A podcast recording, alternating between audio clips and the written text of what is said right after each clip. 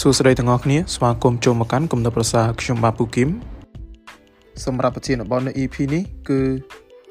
វិធីសាស្ត្រសម្រាប់អភិវឌ្ឍប្រព័ន្ធមួយដែលស័ក្តិសមសម្រាប់ខ្លួនឯងដែលជាអត្ថបទសរសេរឡើងដោយលោកស្រីមេផាងមនុស្សយើងម្នាក់ម្នាក់សិតតែមានគំនិតផ្សេងផ្សេងគ្នាអត្តចរិតផ្សេងផ្សេងគ្នាដោយសារតែពួកយើងរស់នៅក្នុងបរិបទផ្សេងគ្នា ហើយដើម្បីសម្រេចបាននៅកិច្ចការអ្វីមួយបានពួកយើងតែងតែមានវិធីសាស្ត្រនៅក្នុងការសម្រេចរៀងរៀងខ្លួន ពីព្រោះថាពេលខ្លះគេអាចធ្វើដូច្នេះជោគជ័យយើងនឹងអាចធ្វើតាមវាមិនអាចជោគជ័យទេហើយពេលខ្លះទៀតយើងអាចធ្វើវាជោគជ័យហើយអ្នកដទៃយកវិធីសាស្ត្រយើងទៅប្រើក៏មិនប្រកាសទៅជោគជ័យតាមដែរប៉ុន្តែយ៉ាងណាក្តីលោកស្រីមេផាងគាត់បានកត់សម្គាល់ឃើញថា នៅពេលដែលយើងយកវិធីសាស្ត្ររបស់គេមកប្រើប្រាស់ហើយនៅតែបរាជ័យ ការពិតនោះគឺយើងមិនមែនបរាជ័យទេយើងគ្រាន់តែប្រើប្រាស់វិធីសាស្ត្រនោះខុសពេលក៏ដូចជាខុសទីកន្លែងតែប៉ុណ្ណោះប៉ុន្តែយើងអាចធ្វើការស្រាវជ្រាវដើម្បីបង្កើតនៅប្រព័ន្ធមួយ ដែលវាស័ក្តិសមសម្រាប់យើងក៏ដូចជាស្ថានភាពរបស់យើងបានអញ្ចឹងតទៅនេះវិធីសាស្ត្រផ្សេងផ្សេងបាទសម្រាប់ការអភិវឌ្ឍនៅប្រព័ន្ធមួយដែលស័ក្តិសមសម្រាប់ខ្លួនឯងហើយនឹងយើងអាចយកវាទៅប្រើប្រាស់បានហ្នឹងវាមានដូចជា ទី1ស្វែងរកនាឡិកានៃរាងកាយរបស់អ្នកដោយមនុស្សនីមួយៗគឺតែងតែមានរាងកាយផ្សេងផ្សេងគ្នាហើយទម្លាប់ហ្នឹងក៏ផ្សេងគ្នាដែរដោយមនុស្សមួយចំនួនបាទគាត់មានប្រសិទ្ធភាពការងារខ្ពស់បាទនៅឯពេលព្រឹកហើយអ្នកខ្លះទៀតមានប្រសិទ្ធភាពខ្ពស់បាទនៅឯពេលយប់ដែលរឿងនេះវាមិនមែនតាក់ទងត្រឹមតែប្រសិទ្ធភាពការងារទេ បាទសូម្បីតែការហាត់ប្រាណរបបអាហារការគេងយើងនឹងក៏ខុសគ្នាដែរ ដែលសំខាន់នោះគឺមានតែយើងព្យាយាមសង្កេតតាមរយៈការសរសេរ journal ឬក៏សរសេរ note ទុកថាពេលនោះយើងមានអារម្មណ៍យ៉ាងម៉េចដែរមានអារម្មណ៍ថាល្អដែរឬទេ ចង់ធ្វើវាដែរឬទេដោយឧទាហរណ៍សម្រាប់បុគ្គលិកធ្វើការងារក្រុមហ៊ុនដោយមនុស្សមួយចំនួនគាត់មានប្រសិទ្ធភាពការងារខ្ពស់នៅពេលព្រឹកដោយសារតែគាត់ទៅតែទទួលទានអាហារពេលព្រឹកហើយហើយបានកាហ្វេមួយកែវទៀតទៅធ្វើឲ្យគាត់មានអារម្មណ៍សោះថ្លាដែលជាហេតុធ្វើឲ្យគាត់នឹងមានប្រសិទ្ធភាពការងារ ខ្ពស់បាទនៅពេលព្រឹកមែនតើគាត់អាចដោះស្រាយការងារផ្សេងផ្សេងបានដោយរលូនប៉ុន្តែគាត់បែរជាធ្លាក់បាទប្រសិទ្ធភាពការងារនោះនៅពេលល្ងាចវិញដោយសារតែធ្វើយូរយូរទៅគាត់កាន់តែល្វើយទៅល្វើយទៅ ហើយសម្រាប់ប្រភេទមនុស្សមួយចំនួនទៀតគាត់អាចមានប្រសិទ្ធភាពការងារខ្ពស់នៅឯពេលល្ងាចឬក៏ពេលយប់ដោយសារតែគាត់អាចធ្វើការយប់ទៅបាទជាប្រភេទការងារអនឡាញឬក៏ graphic designer អីផ្សេងផ្សេងដែលគាត់ធ្វើការពីយប់រហូតដល់ភ្លឺទៅហើយពេលភ្លឺគាត់សម្រានដល់គាត់ងើបឡើងរៀងថ្ងៃឬក៏ងាយល្ងាចវិញហ្នឹងគាត់ចាប់ផ្ដើមធ្វើការតដោយត្រឡប់មកវិញយើងអាចដឹងខ្លួនឯងបានថាប្រសិទ្ធភាពការងារខ្ពស់នៅពេលណាតតែយើងធ្វើការសង្កេតខ្លួនឯងតែប៉ុណ្ណោះ ហើយបន្ទាប់ពីយើងសង្កេតខ្លួនឯងបានហើយអញ្ចឹងប្រសិទ្ធភាពការងារក៏កើតមានឡើងហើយការ enjoy នឹងការងារក៏កើតមានឡើងផងដែរទី2ចាត់ចែងធម្មពលរបស់អ្នកមកជំនួសពេលវេលាវិញចំពោះការងារមួយចំនួន យើងតែងតែប្រើសំណួរថាតើកិច្ចការនេះគួរតែប្រើពេលយូរប៉ុណ្ណាដែរឬក៏សម្រាប់អ្នកនិពន្ធវិញគាត់ប្រហែលជាគិតថាមួយចម្ពោះនេះគឺប្រើពេលប្រមាណសម្រាប់សរសេរវាឲ្យហើយ ប៉ុន្តែបើយោងតាមការពិតវិញបាទគឺគ្មានអ្វីប្រកបប្រជាទេហើយបើការងារនោះជាប្រភេទការងារដែលត្រូវប្រើគំនិតបែបច្នៃប្រឌិតឬក៏ creative ទៀតនោះអញ្ចឹងពេលខ្លះបាទការងារដែលមើលទៅ ដូចជា30នាទីហើយហ្នឹងវាប្រែមកជា3ថ្ងៃហើយក៏ថាបានចឹងហើយទៅពេលដែលអ្នកនិពន្ធគាត់ចាប់ផ្ដើមសរសេរបាទគាត់មិនបានដាក់សម្ពាធលើការមើលពេលវេលាទេ គឺគាត់ ព្យាយាមមកផ្ដោតអារម្មណ៍លើធម្មពលរបស់ខ្លួនឯងវិញនៅពេលដែលយើងចាប់ផ្ដើមធ្វើកិច្ចការអ្វីមួយដោយគ្មានសម្ពាធពីពេលវេលាហើយយើងក៏ចាប់ផ្ដើមចូលចិត្តវារឿយៗរហូតដល់คล้ายទៅជា deep work ឬក៏ការស្លងចូលទៅក្នុងការធ្វើការងារចំណែកឯកូនសោសំខាន់មួយទៀតនោះគឺអារម្មណ៍តែម្ដងដូចយើងបាននិយាយគ្នាពីទី1អញ្ចឹងបាទនៅពេលដែលយើងអាចស្វែងរកនាឡិកានៃរាងកាយរបស់យើងបាន អញ្ចឹងពេលនោះយើងនឹងស្វែងរកការងារបាទជាមួយនឹងការធ្វើវាដោយការពេញចិត្តក៏ដូចជាប្រសិទ្ធភាពខ្ពស់ផងដែរដូច្នេះបើសិនជាយើងដឹងថាធម្មពលនោះវាមកពេលណាហើយអញ្ចឹងចូលប្រើប្រាស់វាលើកិច្ចការសំខាន់នោះឲ្យអស់លទ្ធភាពទៅទី3ស្វែងរកការប្រឡុកពេលវេលារបស់អ្នក ពេលខ្លះវាអាចជាគុណសម្បត្តិហើយពេលខ្លះទៀតវាក៏អាចជាកំហុសបានដែរនៅក្នុងការព្យាយាមគ្រប់គ្រងតារាងពេលវេលា ដែលយើងធ្វើឲ្យវាដូចគ្នារាល់ថ្ងៃខ្លាំងពេកដោយឧទាហរណ៍បាទយើងបានធ្វើការប្លុកពេលវេលាមួយថ្ងៃមួយម៉ោងសម្រាប់ធ្វើកិច្ចការមួយនោះជារៀងរាល់ថ្ងៃហើយស្រាប់តែថ្ងៃនោះបាទចៃដនផងដែរយើងបានធ្វើវារឿយៗរហូតចូលទៅក្នុងស្ថានភាពចិត្ត deep work ឬក៏ការស្លងចូលទៅក្នុងការងារ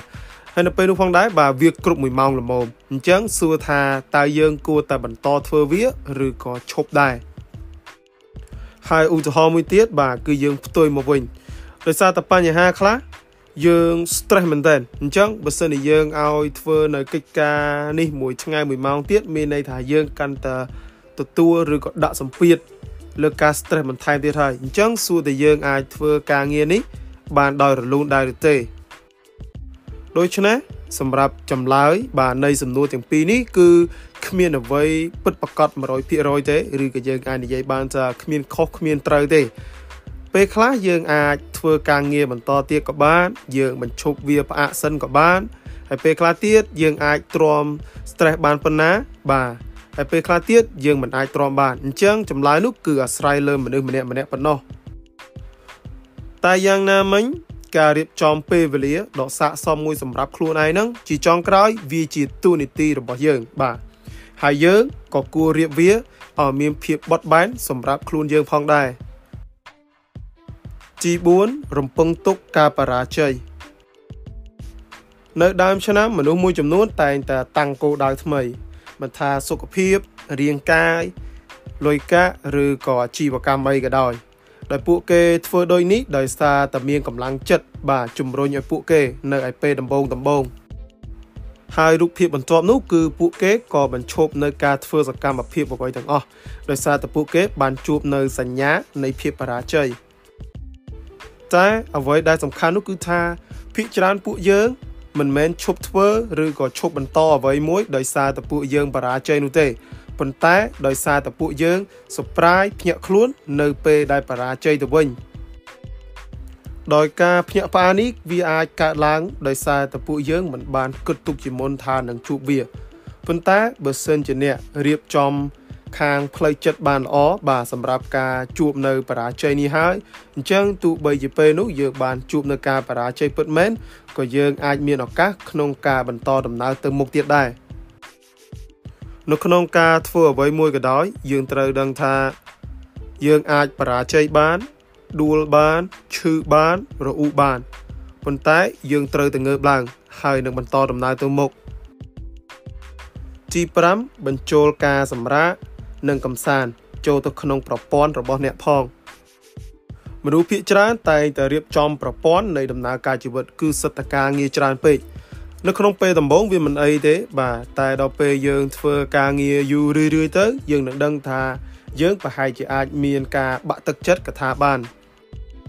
ដោយប្រព័ន្ធនេះវានឹងអាចបរាជ័យដោយសារតែវាគ្មានភាពបត់បែនបានគ្រប់គ្រាន់អញ្ចឹងយើងគួរតែធ្វើរឿងកំសាន្តឬក៏រៀបចំឲ្យមានការសបាយដែលគ្មានការធ្វើផែនការទុកជាមុនលើកាយវិភាគរបស់យើង នៅពេលខ្លះបាទការកំសាន្តហើយនឹងការសម្រាប់ផ្សេងផ្សេងហ្នឹងវាមានផលប្រយោជន៍ច្រើនមែនទែនដែលវាជួយឲ្យរាងកាយយើងមានភាពធូរស្បើយបាទចិត្តគំនិតរបស់យើងក៏ស្រស់ថ្លាហើយស្មារតីរបស់យើងហ្នឹងក៏មមតំជាងមុនផងដែរហើយសម្រាប់អ្នកដែល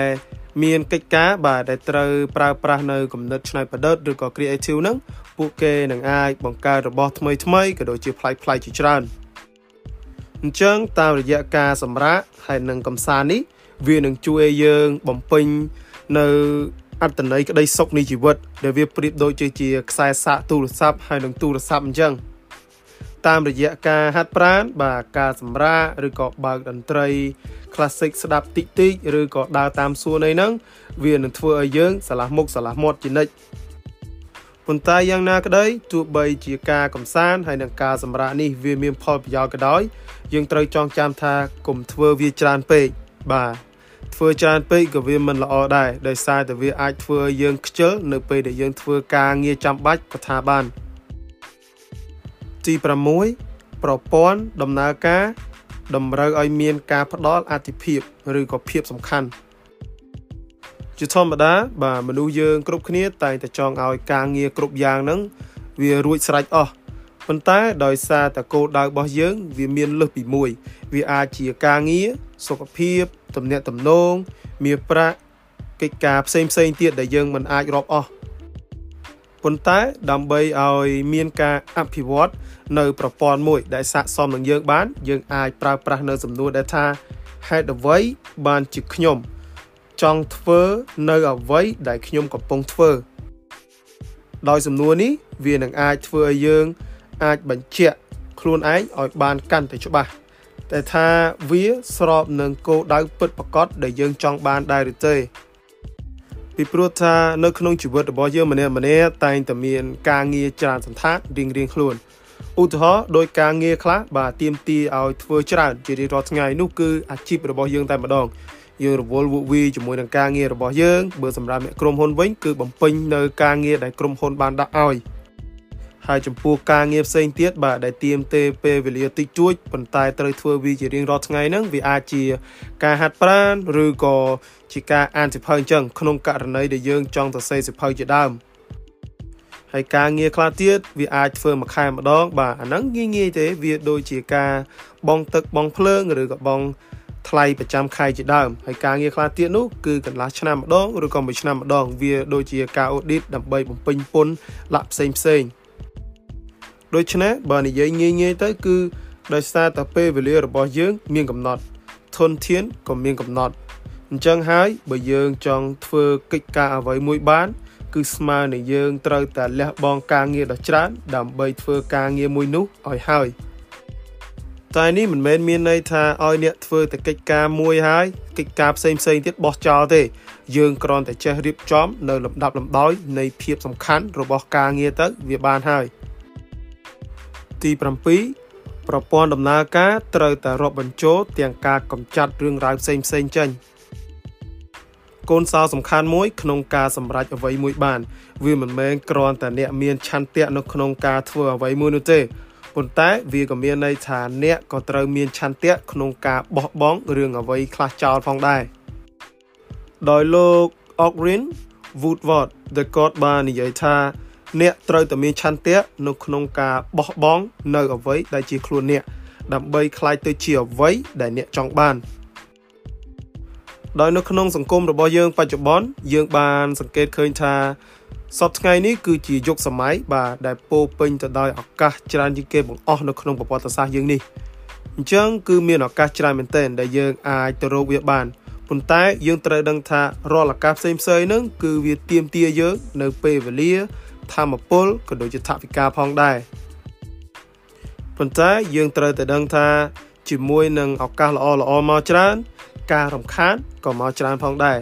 ដូចខ្ញុំបានរៀបរាប់ពីទី1ទី2អញ្ចឹងបាទនៅពេលដែលយើង ដឹងអំពីម៉ោងដែលស័កសមសម្រាប់រាងកាយយើងហើយនឹងយើងចេះចាត់ចែងនៅធម៌ពលរបស់យើងហើយបន្តមកទៀតគឺយើងត្រូវតែតាំងគោលដៅច្បាស់ថាតើយើងនឹងប្រើប្រាស់វា សម្រាប់រឿងដែលសំខាន់អ្វីខ្លះដែរ ដោយខ្ញុំលើកឧទាហរណ៍សម្រាប់អ្នកដែលទៅសេនិពន្ធអត្ថបទគាត់បានរៀបចំពេលព្រឹកគាត់ចំនួន3ទៅ4ម៉ោងបាទសម្រាប់ទៅសេអត្ថបទអញ្ចឹងគាត់បានប្រើប្រាស់ពេលនេះសម្រាប់ទៅសេផងក៏ដូចជារោទិន្នន័យផងពីអ៊ីនធឺណិតដើម្បី inspire គាត់នៅក្នុងការទៅសេអត្ថបទផ្សេងផ្សេងទោះបីជាយើងចំណាយពេលបែបនេះមែនក៏មិនមានន័យប្រកាសថាយើងអាចទៅសេអត្ថបទចេញដែរ ប៉ុន្តែបើសិនជាយើងជក់មើលរឿងភាគឬក៏តាម Netflix YouTube អីផ្សេងផ្សេងហ្នឹង3ម៉ោងបាទលទ្ធផលនោះគឺដឹងច្បាស់100%ថាมันបានទៅសេអត្ថបទចេញជាដាច់ខាតដែលនេះជាមូលហេតុធ្វើឲ្យយើងត្រូវតែកំណត់នៅភាពសំខាន់ឬក៏ផ្ដល់អត្ថភាពឬរឿងដែលយើងចង់ធ្វើនៅពេលដែលយើងអាចកំណត់នៅរឿងសំខាន់បាន ដែលវាមានន័យថាយើងដឹងនៅរឿងអ្វីដែលយើងត្រូវធ្វើ